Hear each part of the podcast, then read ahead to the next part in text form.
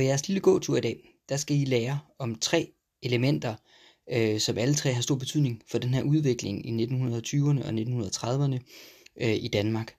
Og de tre øh, ideologier, som kommer til at få stor betydning for, for den her udvikling op igennem 20'erne og 30'erne, det er øh, kommunismen, det er fascismen, og det er nationalsocialismen. Øh, bedre kendt som nazisme, den sidste af dem. Og den her første del kommer til at handle om Danmarks Kommunistiske Parti, forkortet DKP, øh, som optræder i Danmark for første gang i 1919, hvor det bliver stiftet, af tre udbrydere af Socialdemokratiet. Og øh, de her udbrydere fra Socialdemokratiet er utilfredse med, at Torvald Stavning som formand for Socialdemokratiet indgår i en samlingsregering under 1. verdenskrig i 1916, hvor han optager en ministerpost. Og det er man utilfreds med, fordi at man mener, at det er en godkendelse af det demokratiske system. Og man skal huske, som vi også har snakket om, at på det her tidspunkt, der er Socialdemokratiet jo stadigvæk øh, et arbejderparti, som øh, varetager arbejdernes interesser, og som derfor er modstander af alle former for kapitalisme, og dermed også en demokrati, et demokrati, som vi kender det, fordi man jo egentlig synes, at demokratiet er en kapitalistisk idé, som øh, tilgodeser dem, der har meget, øh, og udnytter dem, der har lidt, altså arbejderne. Og, øh, og da Stavning han så ligesom vælger først at gå ind i, øh, ind i regeringen i 1916, og bagefter ændre øh, vedtægterne i Socialdemokratiet, så man fra 1918 bliver et øh, demokratisk parti, ja, så er der altså en række socialdemokrater, som øh, øh, træder ud af Socialdemokratiet, og i 1919 vælger de altså at øh, starte et ungdomsparti, øh, som senere hen bliver til øh, DKP, øh, som første gang optræder ved et folketingsvalg i 1920, hvor man ikke får ret mange stemmer, man får øh, cirka 3800 stemmer, øh, og man kommer ikke i, ikke i Folketinget. Øh, påskekrisen er første gang, hvor øh, DKP øh, selvstændigt spiller en, en større rolle, nemlig i at få mobiliseret den her, de her arbejdere til at tage, til at tale til Christiansborg Slotsplads og øh, ligesom øh, prøve på at tvinge kong øh, Christian øh, til at øh, afgive magten. Øh, men øh, det er jo stadigvæk på det her tidspunkt Socialdemokratiet, der er det store parti. Øh, DKP bliver en større og større trussel op igennem øh, 20'erne, øh, og i 1932 lykkedes det for første gang DKP at komme i Folketinget med to mandater, øh, og, øh, og øh, hvordan det kommer til at påvirke udviklingen op i 30'erne, det vender vi tilbage til øh, lige om lidt. Først så skal vi kigge lidt på, hvad er kommunisme for en ting. Øh, kommunisme og socialisme har to øh, to, øh, hvad skal man sige, ens kerner. Det er nemlig, at man ønsker den socialistiske ideologi udbredt, at man ligesom som samfund øh, har et ansvar for hinanden og for fællesskabet, og at man ønsker, at, øh, at man ligesom løfter i flok og hjælper dem, der ikke selv kan løfte, med at løfte sin del af læsset. Øh, det vil sige, at man synes, at øh, der skal være retfærdige ydelser øh, til de mennesker, som måske af forskellige årsager ikke selv kan bidrage til samfundet, men at man ellers øh, selv skal øh, kunne bidrage til samfundet i det omfang, øh, man nogle gange er i stand til det. Det vil sige, at samfundets opgave, statens opgave, er altså at tage hånd om de svage. Kommunismen øh, forudsætter så omvendt også, at produktionsapparatet er det vigtige i samfundet, og altså det vil sige arbejderklassen, dem der øh, arbejder med at producere varer, er altså dem, man ligesom skal tage hensyn til, og dem, der egentlig bør få mere. Man antager, at man øh, er i en eller anden form for afhængighed øh, af produktionsapparatet, og at øh, de rige, kapitalisterne, fabriksejerne, udnytter og udbytter den her øh, arbejderklasse. Man mener egentlig, at man skal afmontere kapitalismen, man skal lave en flad struktur uden samfundsklasser, hvor øh, arbejderne får del i magten og del i, øh, i lønnen og del i økonomien. Det vil sige, at man vil i en høj grad øh, gerne have, at staten går ind og, og øh, annekterer og opkøber alle produktionsmidlerne. Man vil af med den private øh, ejendomsret til firmaer. Det skal altså egentlig i det ideelle samfund lægges ind under staten, fordi på den måde kan vi alle sammen få øh, få det samme. Der er ikke nogen, der får for meget, der er ikke nogen, der får for lidt. Det er sådan en ideologisk grundtanke. Øh, derudover så ser man jo det liberale samfund som et problem, fordi det liberale samfund er et samfund, hvor, øh, og det var jo også noget af det, vi så under industrialiserings, øh, øh, hvad hedder det, mm, temaet, det her med, at der er nogen, der begynder at få mere end andre, og det vil sige det liberale samfund, det her med, at individet er stærkt og selvstændigt, driftigt, øh, det er jo noget, der så omvendt også vil udnytte de svage i samfundet. Og det er derfor, at øh, socialismen og kommunismen i særdeleshed er modstander af alle former for kapitalisme øh, og er modstander af alle former for, for sådan øh, udbyttesamfund. Det vil sige, det ideelle samfund er et samfund med en flad struktur, hvor man altså øh, ligesom bliver enige om tingene i fællesskab, og man danner nogle, øh, nogle idealsamfund, hvor arbejderklassen ligesom kommer til magten. Det første sted, hvor det sker, øh, det er i øh, Rusland. Øh, Rusland øh, falder sammen under midt under Første Verdenskrig falder, falder det her øh, kejserige i Rusland sammen, og, øh, og det gør det ved en indre revolution, den russiske revolution i 1917, som altså sætter øh, de her sovjetkommunister øh, i spidsen for landet under ledelse af ham, der Vladimir Lenin. Og øh, Lenins tankegang er, at man skal øh, øh, ikke se det her som et, et, et russisk projekt, det er et verdensomspændende internationalt projekt.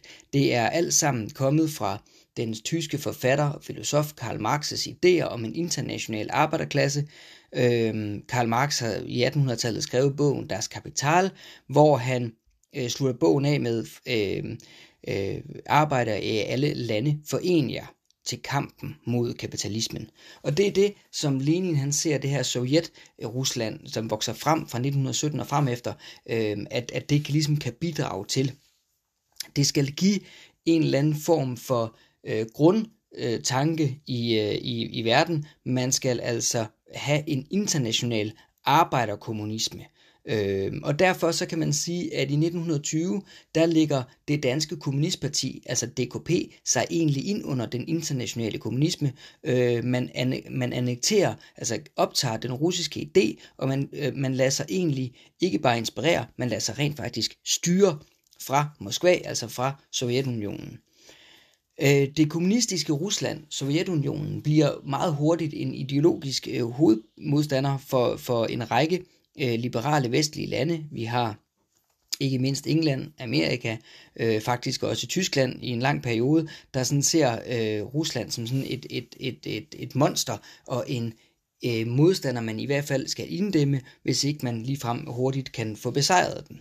Problemet er bare lidt, at de her arbejdere øh, verden over, de, de hører jo, hvad der, hvad der sker i Rusland, de ser, hvad der sker i Rusland, og ganske hurtigt så vokser den her kommunistiske ideologi også uden for øh, øh, Ruslands eller Sovjetunionens grænser, og det vil sige især Tyskland øh, får et meget stærkt kommunistparti i 1920'erne, og faktisk er det jo en kommunistisk inspireret øh, arbejderstrække, der er med til, ligesom at, øh, at, at, at, at tyskerne taber Første Verdenskrig, fordi at de simpelthen laver nogle, nogle øh, ret voldsomme strejker øh, på flådeværfterne i, i Bremen, som, som gør, at produktionsapparatet øh, stopper, fordi det spreder sig til resten af samfundet. Vi ser det også i Danmark, som jeg lige nævnte før, i øh, 1920 under påskekrisen, hvor man også ser det her kommunistparti øh, spille en stor rolle øh, på arbejdspladserne rundt omkring. Og det er jo faktisk også noget, der kommer til at præge Socialdemokratiets udvikling, fordi Socialdemokratiet lige pludselig har fået en ny modstander. Øh, det her kommunistiske parti er noget, som Socialdemokratiet bliver nødt til at forholde sig til, og bliver nødt til at være på vagt overfor, fordi det ender med at blive en, en øh, hovedmodstander for Socialdemokratiet, fordi de simpelthen slås om de samme stemmer, nemlig arbejderne på øh, de forskellige fabrikker i storbyerne. Øh, kommunismen i Danmark øh, vokser øh, støtter roligt op igennem 20'erne, øh, også fordi at man kan sådan sige, at, øh, at øh, der er mange, som synes, at, at øh, Torvald Stavning især bliver for, for meget en del af af det politiske establishment. Han øh, bliver statsminister i 1924 øh, og sidder i to år frem til 26, og igen fra 1929 og altså frem til sin død i 1942. Og i den her periode er der flere øh, arbejdere, der synes, at han svigter arbejderklassen ved at indgå nogle forlig øh, med de borgerlige partier, øh, navnligt øh, Venstre og Konservative. Og, og det ser man som udtryk for, at han har svigtet arbejdernes øh, interesser, og derfor så vokser øh, Kommunistpartiet i Danmark egentlig øh, i den samme periode, som tilsvarende til, at Socialdemokratiet øh, måske falder lidt i nogle stemmetal. Ikke at Socialdemokratiet er i krise, det vender vi også tilbage til øh, senere, men at Socialdemokratiet er et parti i voldsom fremgang op igennem 20'erne og 30'erne, så det er ikke fordi, at de som sådan bliver presset af kommunisterne, men de anser det for realistisk, at der er en, en fløj til venstre for dem selv, der nu også øh, taler til, øh, til arbejderstemmerne øh, i Danmark. Men altså, kommunisme er kort sagt en idé om, at øh, arbejderklassen skal have øh, have et, øh, et godt og stabilt øh, liv, øh, og at man øh, vil afskære enhver form for, for privat eje af produktionsvirksomheder og produktionsmidler, fordi man med Karl Marx' ord, øh, som bliver ændret radikalt senere i, i, det, i det kommunistiske Rusland, øh, har en idé om, at det er arbejderklassen, der laver produktionsmidlerne, og derfor altså, at det også er arbejderklassen, der ligesom skal have del i de her produktionsmidler. Øhm, fra 1930'erne og øh, frem efter, så bliver Kommunistpartiet i Danmark en stadig øh, større modstander, især fordi de øh, får øh, de, de får et talerør, de får en partiavis, der hedder Land af Folk. Øh, den kommer lidt, lidt sent, den, det er en besættelsesavis i virkeligheden, men de har nogle talerør, øh, og de har især nogle meget, meget dygtige og meget, meget øh, veltalende øh, ledere. En af dem er, er kommunisten Axel Larsen, der bliver formand for, for, øh, for DKP i en lang periode. Øh, han er en vanvittig øh, dygtig øh, taler, øh, og han øh, formår at tale direkte til de her øh, ufaglærte arbejdere, som kan stå og høre ham. Øh, og han er en af de øh, meget sådan, øh, prominente medlemmer af, af DKP, men der er rigtig, rigtig mange andre. Der er mange forfattere, der er mange øh, kunstnere i den her periode, der er, der er medlemmer af, af DKP. Så ideen om, at det rent faktisk kun er et arbejderfænomen, er måske sådan lidt søgt, fordi mange af de menige medlemmer, der arbejder, mange af de prominente ledere af partiet, er rent faktisk intellektuelle. Så det er sådan en anden del af den her klasse. Der er mange af de akademikere, Landsretsafører Karl Madsen er en af de store øh, medlemmer af, af, af partiet. Der er mange journalister, for eksempel sådan en journalist, som bliver meget kendt under krigen, der hedder Børge Aute, også er medlem af DKP. Øh, Børge Hovmand, også medlem af DKP. Øh, forfatteren Martin Andersen Næksø, det er ham, der blandt andet har skrevet Pelle Robran, også prominent medlem af DKP. Øh, så man kan sådan sige, det spreder sig egentlig både til sådan arbejderklassen, men også til de her intellektuelle, lidt øh, kunstneriske typer, som, som jo altså også er, er nogen, der, der tiltales af det her ideal samfund. Øh, det er jo selvfølgelig også et samfund, som jo øh, går voldsomt imod krig. Alle former for krig øh, er jo en kapitalistisk opfindelse. Øh, det er jo kapitalen, der er skyld i, at man, at man har øh, krig i verden, og... Øh, og den tanke er jo også noget, hvor man ser, at, at øh, der er faktisk er rigtig mange fra det her nystartede kommunistiske parti, der i, øh, i øh, 30'erne tager til Spanien og kæmper i den spanske borgerkrig. Også mange fra Danmark, der er også mange af dem, der dør. Øh, men, men, og det gør man jo egentlig, fordi at man anser det her, øh, den her øh, verdensomspændende fascisme som den største trussel mod verdensfreden. Så da der sker et fascistisk kup i, i, i Spanien i 1936, så er der rigtig mange kommunister, øh, der tager frivilligt ned til Spanien for at støtte den øh, venstreorienterede øh, borger, øh, hvad hedder den, den venstreorienterede demokratisk valgte regering i Spanien. Øh, og der vælger man altså at tage ned og kæmpe øh, i en krig, men, men for, øh, for freden. Øh, og, og det vender vi tilbage til lidt senere, hvorfor man gør det, men, men det, er der, det er der flere årsager til. Kommunistpartiet bliver en stadig større trussel op igennem 30'erne, øh, og det gør det også fordi, at de begynder at, og, øh, altså deres, især deres ungdomsparti, øh, Danmarks Kommunistiske Ungdom, er et, øh, et parti, som, øh, som, som ikke går vejen for at, øh, at bruge voldelige hvad skal man sige, midler øh, i deres møde med især de fascistiske og nationalsocialistiske ungdomspartier. Øh, det vil sige især i den her periode, især Danmarks konservative ungdom, øh, og så selvfølgelig nationalsocialistisk ungdom. Øh, og når de mødes, så optræder det altså ofte i, i uniform, og, man, øh, og man, det, det kommer ofte til, til voldelige optøjer. Og for at modsvare det, så indfører den danske regering i 1935 et uniformsforbud, det vil sige, at man må altså ikke længere iklædes uniformer, medmindre det er spartabevægelsen, eller at man er en del af værnene, det vil sige altså selvfølgelig øh, øh, militæret, øh, politiet, brandvæsen øh, osv. osv.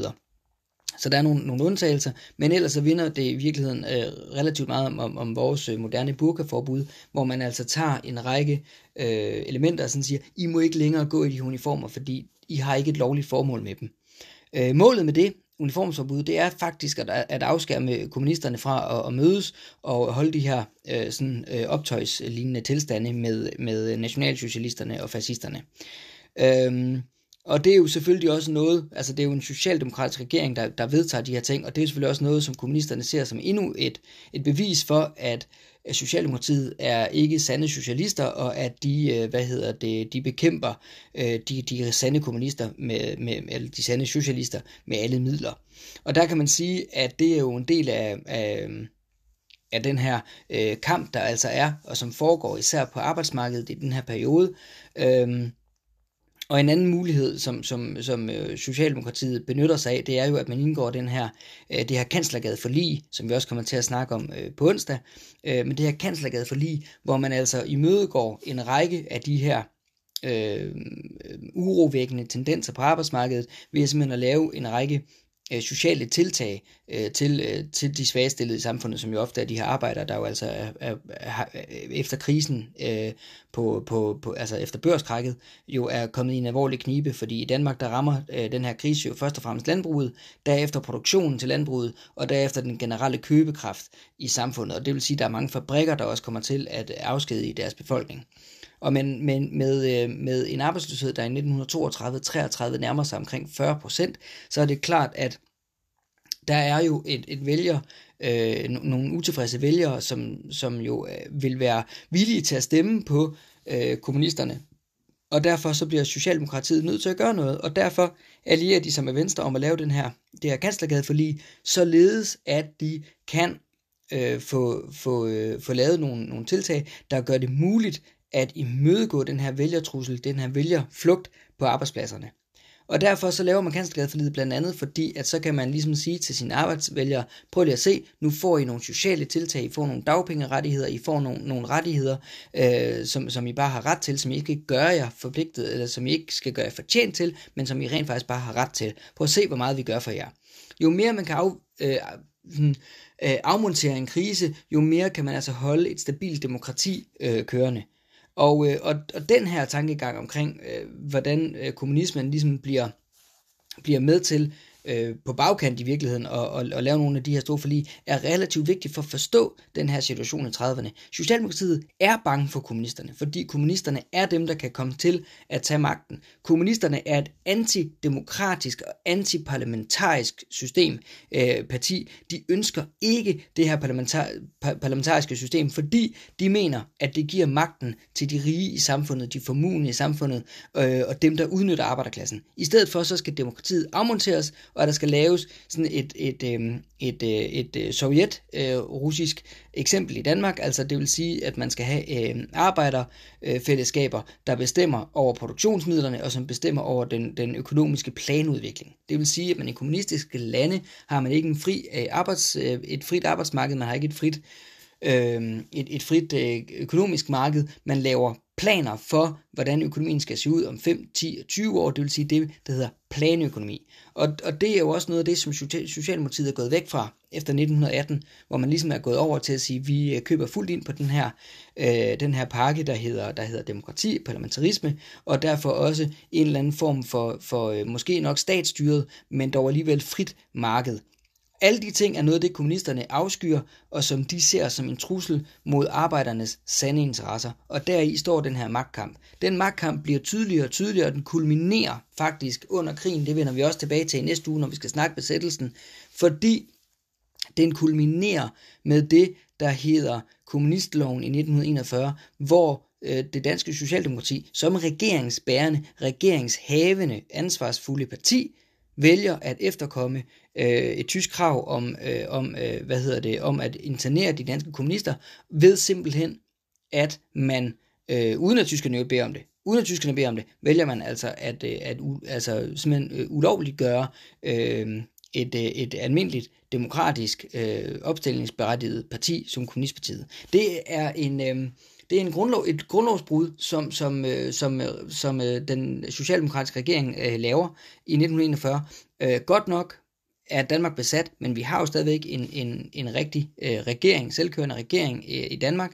Man vælger altså at, øh, at øh, internere kommunisterne i Danmark i 1941, og, øh, og man vælger at gøre det, selvom man godt ved, at det egentlig er forbudt. Øh, og det er noget, som kommunisterne aldrig kommer til at tilgive Socialdemokraterne, hverken under krigen eller efter krigen. Øh, og det er stadigvæk noget, som Socialdemokraterne gør meget for ligesom at underspille den dag i dag, vil man, vil man sige, jo jo, men det gjorde vi for Danmarks øh, bedste. I virkeligheden, så gør man det øh, lige så meget af egne partiinteresser, men man tænker nemlig, at, at man, man her jo har en gylden mulighed for ligesom at, at få lukket et parti, øh, der, er, der er lidt problematisk øh, for dem. Det var sådan ganske kort om den første af de her antiparlamentariske grupperinger, øh, der eksisterer i Danmark i 20'erne øh, og 30'erne, altså DKP. Øh, et, et antidemokratisk parti, der går ind for, at produktionsapparatet skal omlægges til arbejderne. Man går ind for, at demokratiet skal afskaffes, og i stedet for, så skal arbejderfællesskaber, så, øh, altså det der egentlig hedder øh, sovjetter øh, skal i stedet for øh, jo så etableres, og øh, den her ideologiske kamp mellem på den ene side øh, kommunisterne og, og på den anden side det etablerede socialdemokrati er altså en, en krise, øh, der kommer til at vare op igennem 30'erne, kulminerer i 1941 og fortsætter et godt stykke ind i 50'erne øh, på den anden side. Øh, og det er noget af det, som vi også kommer til at arbejde med i, på onsdag, altså i onsdagens øh, lektioner. Næste gang, så skal I, det næste afsnit, øh, som, som er lige efter det her, det handler om øh, den, øh, den fascistiske øh, udvikling i 1920'erne og 1930'erne, igen med fokus primært på Danmark.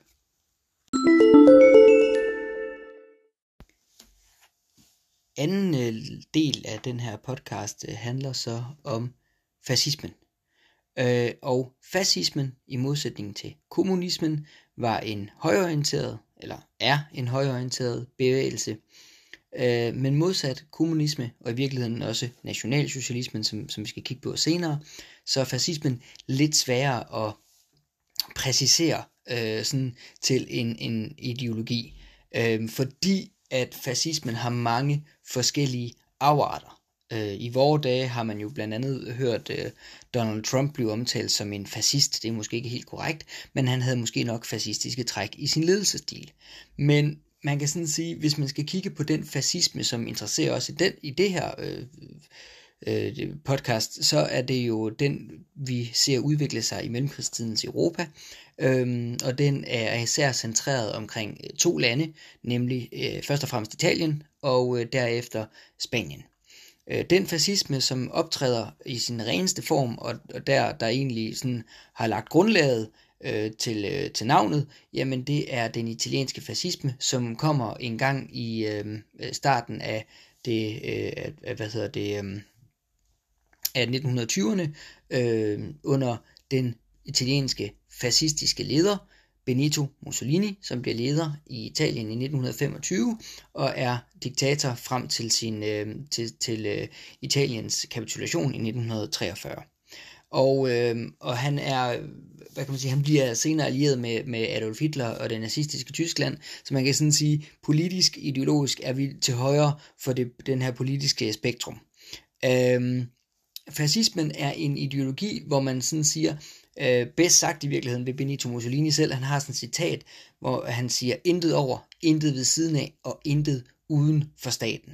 Og der kan man sige, det er i virkeligheden kernen i, i, i fascismens ideologi. Det er, at, øh, at man kan sådan sige, at nationen skal være en stærk, samlet organisme øh, under ledelse af en stærk mand. Altså det her førerprincip ser vi altså øh, udført øh, første gang øh, under Benito Mussolinis ledelse i Italien. Øhm, samtidig så udfør, indførte Mussolini også et øh, øh, øh, uniformeret øh, militær, eller paramilitært korps, kaldet sortskjorterne, og de her sortskjorter, det var nogen, der blev øh, efterabet i det meste af det øh, højorienterede Europa øh, fra de danske ungkommunister, øh, undskyld, undskyld ung konservative, og så helt øh, ned til, til øh, hvad skal vi sige, øh, SS i, øh, i det nazistiske Tyskland. Altså på mange måder blev øh, det her øh, sortskjorte øh, øh, kopieret i, øh, i de andre øh, omkringliggende højorienterede nationer. Hvis vi skal snakke lidt om, hvad fascisme er for noget, så kan man sådan sige, jamen det er, det er en ideologi, hvor nationen står samlet bag en stærk øh, fører, og hvor man øh, ser det hele som øh, øh, arbejdende sammen for det nationale storhedsmiddel. Øh, det vil sige, man har ikke noget demokrati, man har ikke nogen partier, man har ingen fagforeninger, det hele er samlet under en stærk stat med en stærk fører. Så sidder man måske og tænker, okay, jamen, jamen hvorfor er det så forskelligt fra kommunismen, som vi lige har hørt om, jo også havde det her med den flade struktur, ingen samfundsklasser osv. Jo, der er den klare forskel, at øh, kommunismen er en internationale, altså det vil sige, der har man en international forholden sig til verden, hvor man i høj grad i den fascistiske og i virkeligheden også i den nationalsocialistiske idé har en, øh, har en national orientering. Det vil sige, at det er nationens ved at vælge, det handler om. Alle andre er i, i virkeligheden uvedkommende og uinteressante for den pågældende nation. Øh, derudover så kan man sige, at øh, at øh, nationen bliver dyrket øh, nærmest sådan religiøst i, i religion, vi kalde det for en civil religiøs tilstand. Øh, altså at, at man ligesom øh, bygger både øh, staten, men også føreren op til noget, øh, noget, noget semi-religiøst. Det man kan sige, det er, at, at noget af det andet, det er, øh, at, at mange øh, fascister også argumenterer for, at vold er en helt legitim måde at føre politik på. Øhm, altså at man er ikke bange for at gå, altså, gå i slagsmål for sin sag. Øh, ordet fascisme kommer egentlig fra, øh, fra hvad skal man sige, øh, et, et gammelt italiensk ord, øh, som øh, udtrykker, øh, øh, som hedder en fasis, og det er sådan set den stav, som de gamle senatorer i Romeriet øh, havde som symbol på deres magt. Og det bliver i virkeligheden også det fascistiske symbol i Italien, øh, kopieret i nogle forskellige former i blandt andet også Rumænien, Ungarn og Spanien, som også udvikler fascistiske regimer i mellemkrigsperioden. Øh, og det man kan sådan sige, det er, at, at øh, selvom fascisme er en svær størrelse at, at ligesom fortælle om på det, på det brede øh, snit, altså den, man kan sige, den er vanskeligere at pinpointe end for eksempel kommunisme, som godt nok havde, var der mange forskellige kommunistiske organisationer i de forskellige lande, men alle kommunister ligner hinanden og kæmper for det samme. Det gør en øh, fascisme ikke helt præcist, og derfor er der også nogle politiske ideologer, der ikke mener, at fascisme i virkeligheden er én ideologi, men udtryk for mange forskellige underliggende øh, ideologier. Øh, at der er jo nogen, der vil sådan sige, at nazisme og fascisme er to dele af samme sag. Det er bare mere rent i den ene version end i den anden version. Det kan man så diskutere. Nu tager vi øh, nazismen lige om lidt, og så kan vi altid øh, kigge lidt på det. Det man kan sige, det er, at, øh, at, at øh, den, den tyske historiker Ernst Nolde har forsøgt at definere syv pointer til ligesom at sige, okay, hvornår er man så fascist? Og det man kan sige, det er, øh, at fascisten som udtryk er antimarxistisk, antidemokratisk og ultranationalistisk. Man foretrækker en stærk centralistisk centralmagt, man øh, hvad hedder det, foretrækker en stærk fører, og man foretrækker en aktivistisk politisk kultur, det vil sige, at man bidrager aktivt til, til, til handling, i stedet for passivt at lade sig til, og man er, går ikke af vejen for at bruge vold til at fremme sine holdninger. Så man kan sådan sige, nu lavede vi eksemplet før med, om Donald Trump er marxist, egentlig ikke helt, fordi man kan sådan sige, han er jo ikke øh, fortaler for en centralistisk statsmagt, han er ikke nødvendigvis fortaler for en aktivistisk politisk kultur, og han er ikke, på papiret i hvert fald, antidemokratisk. Øh, og så kan man sådan sige, okay, men hvem er så det? Ja, det var der faktisk rigtig mange mennesker, der var rundt omkring i, øh, i Europa i mellemkrigstiden, og nogle af dem var faktisk også i Danmark, og nogle af dem var faktisk helt inde i centrum af det konservative Folkeparti. Det konservative Folkeparti var jo på det her tidspunkt, øh, det blev jo dannet som officielt parti i 1915, udsprunget af det gamle Højreparti, Estrups gamle parti, og netop Estrup, den her gamle øh, mand, han har været død mange år på det her tidspunkt, men hans ånd lever videre, og hans tankegang om den stærke mand og om arven fra Estrup ligger øh, til grund for den øh, politiske ideologi, som blev opbygget i konservativ ungdom i 1930'erne. Øh, især da man i, øh, i 30'erne får øh, en ny formand, det er ham, der hedder Jack Vestergaard. Han bliver formand i 1900 og, øh, og 32, og han øh, bliver, øh, hvad hedder det, øh, en, en meget karismatisk figur i de næste øh, år i den her konservative ungdomsforening, indtil han bliver mere eller mindre skubbet ud på, på et tidsspor af nogle af de andre ungkonservative. Øh, men øh, i 35, øh, 1935, der har konservativ ungdom i Danmark øh, cirka 30.000 medlemmer. Det er sådan øh, pænt meget, øh, hvad hedder det, øh, for, for et ungdomsparti på det her tidspunkt. Og, og det er altså drevet ham her, Jack Vestergaard, som, øh, som jo skriver, at, at, at øh, han, han øh, i nytårshilsen i 1932, så skriver han, i Estrups tid førte det konservative Folkeparti en aktiv, indflydelsesrig, selvstændig og national politik. Det kunne partiet gøre, fordi det havde magt, som det havde agt, og fordi det i spidsen havde en personlighed, en karakter, en vilje, kort sagt en mand, en stærk mand. Øh, og det kan man sådan sige, at den her idé om, at man skal tilbage til den stærke mand, og det her, øh, altså, demo, altså egentlig afmontere demokratiet, det er en tankegang, der ikke ligger fjernt for, for folk som Jack Vestergaard. I den her periode ser man også, at, øh, at øh, KU, altså konservativ ungdom, de, øh, de øh, laver deres eget uniformerede korps, øh, hvor, hvor man, øh, hvad hedder det, ligesom øh, også udvikler en eller anden form for mil- militær øh, sådan, øh, format, altså man, man skrårem og uniform, og man, øh, man, man laver militære øvelser osv., og man har faktisk også en, en, øh, en chef, der, der faktisk bliver kaldt for, en, for general, altså så man simpelthen titulerer ham som, som en general. Øh, og som om man det ikke er nok, så kan man sådan sige, okay, men konservativ ungdom, altså ungdomspartierne, det kender vi også fra i dag, de, de ligger øh, generelt sådan måske lidt langt væk fra, fra moderpartiet i forhold til, til deres måde at drive politik på. Det gjorde man altså også dengang. Og, øh, og man kan sådan sige, øh, KU adskilte sig radikalt fra, fra den officielle konservative holdning, som jo var meget demokratisk og, og egentlig også meget national øh, øh orienteret. Øh, og, og datidens konservative formand, John Christmas Møller, han bliver jo senere hen en, en ret stor figur inden for, inden for modstandsarbejdet og modstandsbevægelsen. Han vender vi tilbage til næste uge. Øh, var ikke sådan en stor fan af, af det her øh, ungdomskonservative øh, brugshoved, Jack Vestergaard. Og han øh, forsøger faktisk at holde sådan lidt afstand til øh, Vestergaard og hans øh, typer. Øh, det hjælper lidt på det, da, da hvad hedder det... Øh, øh, da, da Jack Vestergaard han i 36 bliver, bliver afløst af, af en, der hedder Axel Møller, som bliver ny øh, konservativ formand. Han bliver jo også en del af modstandsbevægelsen nogle år senere. Øhm, men hvad kan, hvad kan man sige? Øh, han ændrer igen lidt den her øh, konservative øh, grundholdning i KU til at være lidt mere øh, øh, demokratisk sindet.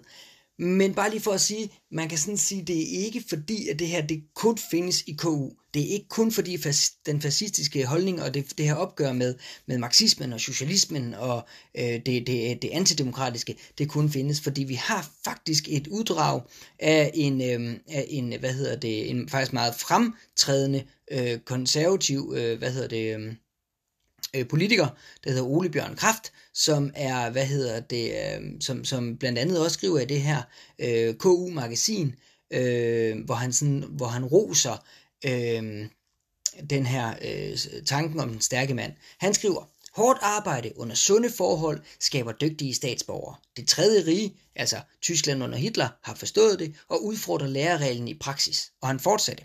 Vi, der har alle muligheder for at ligge i den hvide races fortrop, vil simpelthen stå i fare for at blive det slinger efternølere, som et samfund altid har at slæbe på. Øhm, og faktisk, så ham her Ole Bjørn Kraft, ham vender vi også øh, lidt tilbage til øh, onsdags, øh, onsdagens timer. Han øh, skriver faktisk en hel bog til forsvar for fascisme, og han er meget, meget imponeret af især Benito Mussolinis øh, fascisme i Italien, men også lidt ham her, den, den tyske fører nede, øh, nede syd for grænsen. Øhm, Hvorfor er, er KU og den, den her fascisme så interessant at kigge på? Jo, det er jo fordi, at man også her kan se, at der har altså eksisteret nogle antidemokratiske elementer i, øh, i, den, i den danske politiske samfund i, øh, i øh, 20'erne og især 30'erne. Og man kan sådan sige, at øh, der er ikke nogen tvivl om, at, at øh, de her øh, ungdomskonservative kræfter, de spiller en ret stor indflydelse også i forhold til det her med uniformeringsforbuddet, øh, som vi snakkede om lige før med, kommunist, med kommunisterne. Altså, at øh, de her, de her konservative øh, ballademager, som de virkelig også bliver kaldt, ikke? Øh, det, det, det, er jo, det er jo folk fra det bedre borgerskab, og i hvert fald folk fra det bedre borgerskabs børn, som, som jo altså øh, går uniformeret rundt og, og, og kommer op og slås med konservativ ungdom, social, øh, altså øh, socialdemokratisk ungdom og nazistisk ungdom. Fordi det sjove er, at øh, KU kunne ikke døje nazisterne, fordi man anså dem for at være sådan en, en, en, øh, en, en mindre bemidlet øh, samling af, af, af af, hvad hedder det, øh, forbrydere og, og fattig røv, ikke? Altså sådan en bunderøv, der, der, der ikke, ikke rigtig kan noget alligevel. Øhm, det viser sig så helt, at det, det passer egentlig ikke helt. Øhm, men man kan sådan sige, hvis man kigger på nogen af dem her, øh, så, øh, hvad hedder det, øh, så, så kan man sige, var de ungdomskonservative så farlige? Ja, både og. Man kan se, der er ikke nogen tvivl om, at de ungdomskonservative havde nogle kræfter, som også senere hen findes i, øh, i, i det, der hedder Landbrugernes Sammenslutning, LS, og det, der hedder National Socialistisk øh, øh, Arbejderforening, øh, altså det danske nazistparti. Øh, og nogle af de her øh, unge konservative, øh, er jo først og fremmest antikommunister, øh, som jo også ligger i den her, nu læste jeg det op før, med, med de fascistiske kendetegn, ikke? Og der kan man sige, at nogle af de her ungdomskonservative, ja, de ender faktisk også med at gå ind i, ind i, i, i de, og bliver, bliver nogle af de danske Østfondsfrivillige. Altså, de melder sig ikke ind i nazistpartiet som sådan, men de støtter den nazistiske kamp mod kommunismen, og der er nogle af dem, der faktisk ender deres dage på Østfronten øh, i, i krig for, for Hitlers øh, nazistiske øh, nyorientering af Europa. Øh, så man kan sådan sige, der er ikke en tvivl om, at der var elementer i øh, i den danske øh, højre øh, ekstremisme i 30'erne, som ikke ville vige tilbage for øh, eventuelt at, at lave øh, altså både statskup og det, der kunne være værre. Øh, blandt andet er der sådan en, en, en gut, der hedder øh, Leo Dane, som, som egentlig også var en af dem, der, der prøvede at, øh, at tage magten i, øh, hvad hedder det, øh, i, i konservativ ungdom i, øh, i slutningen af 30'erne. Og, øh, og han han øh, var en af dem, som efter sine øh, var langt i planerne om at, at forsøge at lave et eller andet form for statskup, for simpelthen at, at efterligne alle de andre lande i, øh, i Europa og få øh, den her stærke mand ind. Øhm, men fascismen kommer som renest øh, til udtryk altså i Italien og Spanien, men de fascistiske bevægelser findes i det meste af Europa, også i de øh, lande, som man egentlig antager har en, øh, en nogenlunde øh, solid demokratisk øh, forfatning og en nogenlunde solid demokratisk base. Det er for eksempel Storbritannien, hvor, hvor øh, øh, en gut, der hedder Oswald Mosley, bliver sådan øh, meget berømt. Øh, han er leder af, af det britiske fascistparti, og han bliver jo øh, øh, arresteret, da, da 2. verdenskrig brød ud, og, og sidder i fængsel resten af krigen, øh, fordi man simpelthen er utryg ved at have ham rendende rundt, øh, fordi hans sympatier ikke er engelske, men i højere grad ligger hos Italien og Tyskland. Øh, og så har vi et fransk fascistparti, som også er ret stort, og som kommer ind omkring regeringsmagten i det delte Frankrig i 1942. Og så har vi faktisk også en konservativ øh, forening i, øh, i Sverige, hvor ungdomskonservative i Sverige rent faktisk bryder med det konservative moderparti og skaber et fascistisk parti i Sverige. Så længere skal vi altså ikke væk fra de danske grænser, øh, og derfor kan man sige, at den her urolige periode i, øh, i, øh, i Europa kommer altså også over på højrefløjen i, i Danmark, og øh, bliver også en af de mange spændingsmomenter, man, man skal tage, tage hånd om fra politisk øh, side. Næste afsnit øh, kigger vi på den tredje store ideologi her i, i 30'erne, nemlig øh, nationalsocialismen, eller altså også nazismen.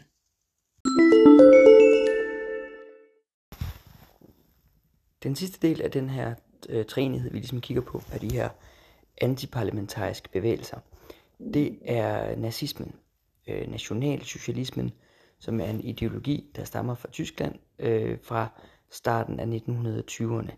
Definitionsspørgsmål er, øh, hvornår øh, præcis man kan snakke om, at partiet og ideologien opstår.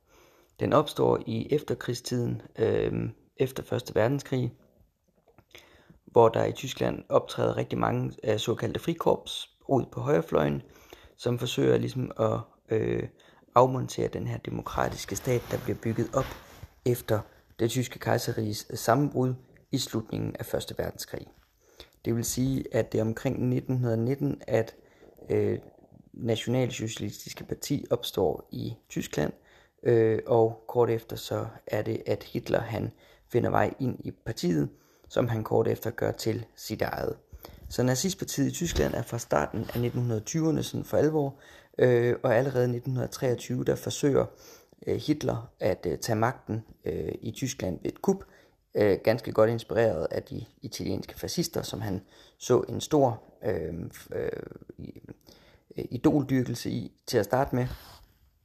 Øh, og Hitler han forsøger at tage magten ved et øh, militærkup i, øh, i 1923. Det bliver slået ned, og han ender øh, med at øh, sidde i fængsel øh, i, øh, i nogle år. Øh, og han bliver så øh, i den her periode, hvor han sidder i fængsel, der skriver han sit politiske manifest, som han kalder Mein Kampf, altså min kamp på dansk, øh, hvor i han ligesom udlægger øh, forståelsen af hans politiske idéer øh, og hans politiske visioner for Tyskland, og i øvrigt også for resten af verden. Hitlers ideologi, som er den nazistiske ideologi, er en idé om en racebaseret nationalisme, en udbredt bredt anti-marxisme, altså antikommunisme. Det er en udbredt antisemitisme, altså et jødehad, og det er en meget udbredt antiparlamentarisme. Altså hans øh, grundlæggende så synes han, at alle de øh, ulykker, der sker i øh, Tyskland øh, under Første Verdenskrig, øh, altså nederlaget i Første Verdenskrig, øh, skyldes øh, det demokratiske, øh, de demokratiske personer i Tyskland. Det er jødernes skyld, det er kapitalismens skyld, og det er kommunisternes skyld. Så det er sådan en god blanding af, af ting. Og det redegør han for i den her bog, øh, Min Kamp, som, øh, som i øvrigt bliver en, en, en bestseller i, øh, i Tyskland efter hans magtovertagelse i 1933. Øhm, Hitlers ideologi er, øhm, er altså en, øh, en, øh, hvad skal man sige, sådan en social-darwinistisk tilgang. Det vil sige, at, at øh, nationen skal være stærk igennem renhed. Øh, det vil sige, at det kun er de rene raser, der må være en del af nationen. Øh, det er sådan survival of the fittest, altså den stærkeste, der skal overleve.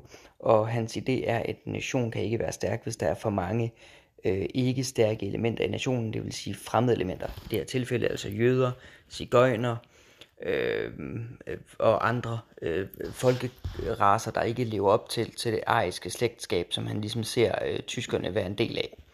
Øh, hans idé er, at der skal laves et nationalt øh, folkefællesskab med, med tyskerne som, som ledere i Europa. Øh, og det her øh, folkefællesskab skal blandt andet også indeholde øh, danskere, nordmænd og svenskere, som ligner øh, den tyske folkestamme mest. Altså den germanske folkestamme skal ligesom være i, i spidsen. Projektet øh, for Hitler øh, kommer lidt øh, haltende af sted, men efter øh, Wall Street-krakket og den her verdensomspændende krise, som vi også hørte øh, i går, øh, jamen øh, der øh, er øh, vejen ligesom banet for ham. Han øh, øh, vælger efter, efter det her mislykkede statskup øh, og løsladelsen fra fængslet, jamen der vælger han ligesom at kigge sådan lidt mere øh, demokratisk på tingene. Det vil sige, han finder ud af, at at tage øh, magten ved vold er ikke nogen god idé. Det er ikke en farbar løsning. Det er det i stedet for, hvis man øh, tager øh, magten i øh, Tyskland gennem demokrati, og derefter afvikler demokratiet. Så det er sådan set det, han, han gør, øh, og det lykkedes ham at gøre partiet stærkere og stærkere, og øh, til sidst, øh, så er der ikke nogen vej udenom øh, i øh, Tyskland. Øh, man bliver nødt til at tilbyde ham øh, kanslerposten, som er sådan den øh, reelle magt. Altså der er en rigspræsident i Tyskland på det her tidspunkt, men han er, øh, det er der i øvrigt også i dag, men der er ikke nogen, der aner, hvem, hvem vedkommende er, fordi det er kansleren, der ligesom er den vigtigste figur. Man kan lidt sige det samme, øh, hvis man skal sådan sammenligne det lidt, så kan man sige, at Danmark er det jo også dronningen, der er regenten, men det er jo i virkeligheden statsministeren, der bestemmer. Sådan er det også i Tyskland, og sådan er det også på det her tidspunkt. Det er kansleren, der bestemmer. Øh, rigspræsidenten er en kransekagefigur. Den her rigspræsident er en aldrende mand, der hedder Paul von Hindenburg. Han er øh, tidligere general under 1. verdenskrig, en meget berømt general i Tyskland, er meget populær figur. Han kan absolut ikke udstå Hitler, men han kan godt se i 1933, hvor, hvor nationalsocialisterne sidder på et flertal i parlamentet, jamen så er der ikke nogen vej udenom, at han bliver nødt til at pege på Hitler som rigskansler. Året efter dør øh, Hindenburg, og her skynder Hitler sig så ligesom at afskaffe den her rigspræsident-rolle øh, rolle og øh, ud, øh, nævner egentlig sig selv som sådan en tysk fører. Herfra går det stærkt. Demokratiet bliver faktisk ved et ganske lovligt valg, godt nok måske ikke 100% øh, ærligt valg, men, men øh, altså der findes udbredt valg, valg, valgsvindel sted. Øh, men, men man får afmonteret demokratiet, og øh, fra 1934 og frem, jamen der har man en rendyrket øh, diktaturstat i Tyskland, som jo altså øh, ender med at udløse 2. verdenskrig og de øh, redsler, som, som vi kommer til at snakke om øh, næste gang, og det her, den her jo i øvrigt også den, den femårige besættelse af Danmark osv. osv. Øhm, men ligesom med både kommunisme og fascisme, så er nationalsocialismen ikke en ideologi, der kun øh, grænser sig til, øh, øh, til Tyskland. Den spreder sig også, og i Danmark der får vi også et nationalsocialistisk øh, parti i Danmark. Den øh, optræder dog først i øh, 1932, øh, bliver det oprettet, øh, og det er øh, et parti, der ikke på noget tidspunkt har en særlig øh, stor øh, vælgertilslutning. Øhm, og det kan man sige er øh, fordi øh, at man i Danmark ikke anser nationalsocialismen og den her idé om racerenhed som et politisk projekt, der er værd at, øh, at efterfølge. Øhm, som vi også har snakket om tidligere, så er det ikke fordi, at, at vi i Danmark vi er en meget sådan homogen folkegruppe. Øh, jøder og cigøjner fylder ikke ret meget i vores befolkningsbillede, øh, og, og de her tanker omkring et folkefællesskab, som, som baserer sig på nationalisme og, og storhed, er ikke noget, der sådan tiltaler øh, den brede befolkning. Især ikke fordi man kan sige, at dem, der ønsker de her ting, jamen de øh, samler sig egentlig mest i, øh, i øh, det, det konservative, øh, eller måske endda det store øh, bundebevægelse, der hedder Landbrugernes Sammenslutning, som i virkeligheden også smelter sammen med den danske øh, nazismebevægelse øh, øh, omkring øh, starten af 1940'erne. Øh, det vender jeg tilbage til lige om lidt. Det man kan sige omkring det her, den danske nationalsocialisme, det er, at man, man samler aldrig rigtig mere end, end, end nok til lige præcis at komme i Folketinget. Man kommer i Folketinget ved valget i Øh, 39 øh, repræsenteret ved tre mandater. Man får lige knap 2% af stemmerne, øh, og, og det ændrer sig faktisk ikke, heller ikke selvom man får en tysk besættelse. Altså man skulle ellers tro, at, at det danske nazistparti kunne arbejde sammen med tyskerne, men selv øh, den tyske besættelsesmagt anser faktisk ikke de her nationalsocialister for at, øh, at være nogen, der kan, der kan hjælpe nazisterne i, i en overtagelse af magten i Danmark.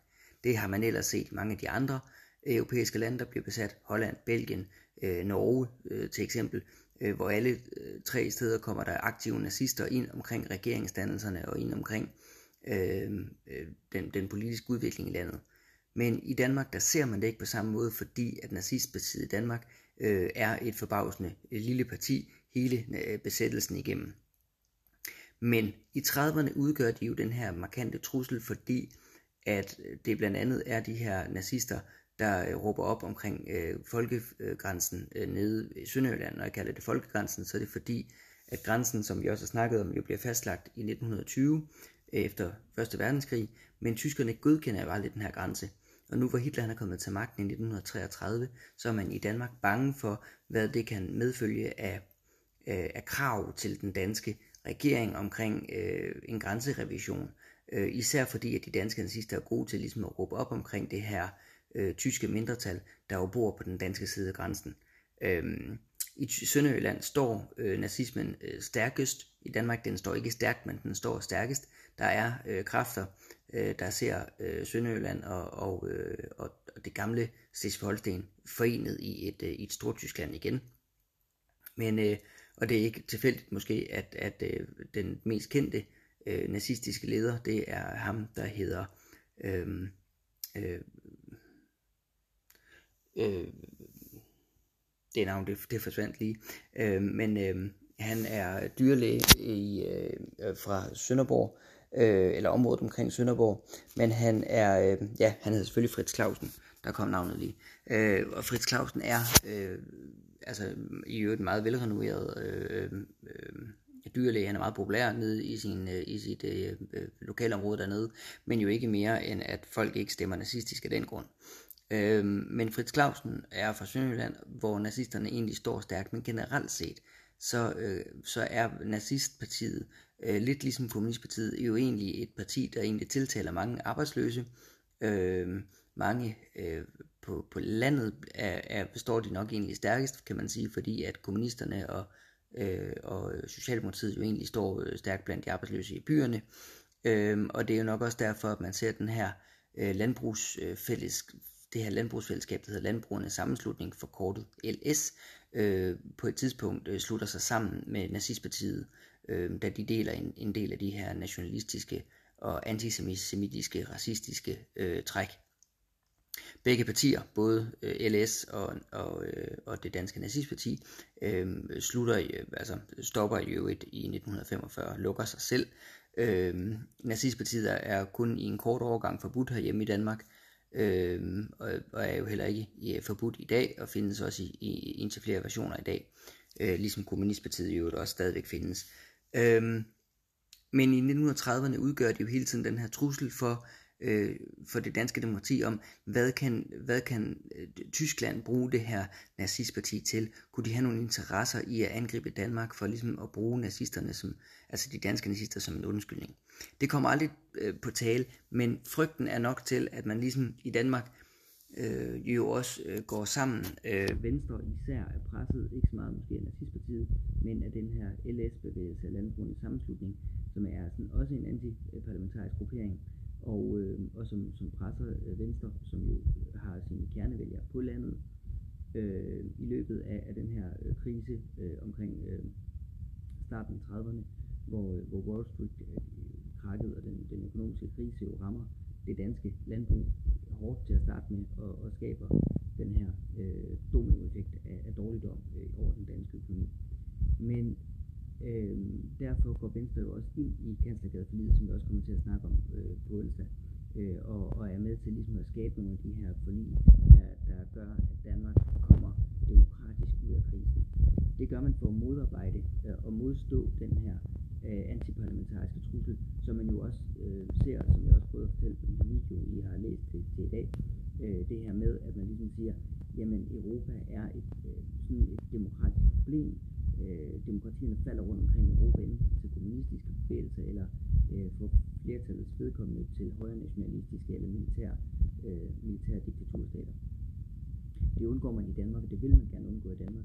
Men, men nazistpartiet er der en betydelig rolle, øh, og kigger man sådan med bagklogskabens uvideligt klare lys tilbage, så vil man sige, okay, jamen det var jo aldrig en trussel, men man vidste det ikke. Man vidste ikke, hvad nazistpartiet kunne udvikle sig til, og havde man haft et stærkt nazistparti i Danmark, som man har det i Norge på det her tidspunkt, øh, det, det norske Nationalsamling er en, øh, er en, øh, en nazistisk bevægelse, som, som står stærkt, som også får regeringsmagten i 1940, og, og man kan sådan sige, at Norge får en, en meget markant hård besættelsestid, end Danmark gør. Øh, og det er jo det, man frygter af Danmark. Man frygter, at de her danske nazister skal være med til at påvirke den tyske besættelse, øh, og at øh, i 30'erne, hvor vi ikke er besat endnu, frygter man altså, at det skal få en eller anden betydning i forhold til vores forhold til øh, den tyske nabo syd for grænsen, som vi vil gøre alt i verden for ikke at, øh, at lægge os ud med. Så man kan sådan sige, at nazistpartiet i Danmark får aldrig øh, på noget tidspunkt den store parlamentariske tilslutning, men alene truslen fra dem er nok til, at vi ser nogle demokratiske øh, forlig hen over midten. Nogle af de største og vigtigste forlig i Danmark historien finder sted i 30'erne, og det gør det blandt andet fordi, at man er bange for de her antiparlamentariske trusler øh, fra, fra begge side, sider af, af, af, af, hvad skal man sige, af parlamentet, øh, eller det parlamentariske øh, spektrum, altså både for højre og venstre. Øh, og selvom nazistpartiet aldrig bliver en, en, en trussel direkte, så man sige indirekte er der rigtig mange af de her, øh, der er medlemmer af nazistpartiet, som er dem, der melder sig til tysk krigstjeneste. Mange af dem kommer senere hjem og arbejder for den tyske besættelsesmagt i en eller anden funktion. Øh, man har i, i årene lige efter krigen øh, defineret man tit øh, den typiske nazist som sådan øh, mindre vedmidlet åndsbolle øh, ude fra, fra Jørgen Overdrev. Øh, og det har vist sig overhovedet ikke holdt stik. Den typiske nazist er en ganske almindelig dansk mand. Ofte har vedkommende en eller anden, øh, haft en eller anden, et eller andet forhold til Tyskland. Øh, mange af dem har været øh, sendt øh, på arbejde i Tyskland, øh, fordi man ikke har kunne finde arbejde i Danmark. og er så blevet imponeret af, hvor effektivt alting kørte i Danmark, eller i Tyskland. Lidt ligesom øh, vi så, eller hørte i citatet fra Ole Bjørn Kraft tidligere, ikke? Men man så jo, at der var styr på tingene i Tyskland. Der var ingen arbejdsløshed. Øh, alle havde det godt, øh, mens man i Danmark sendte alle de arbejdsløse til Tyskland, fordi at dernede var der arbejde at få, mens vi ikke selv kunne, kunne skaffe arbejde nok herhjemme i Danmark. Øh, mange af dem, der melder sig til den tyske krigstjeneste, er i højere grad, de er ikke, måske ikke nødvendigvis imod jøderne, men de er meget kraftigt imod kommunisterne.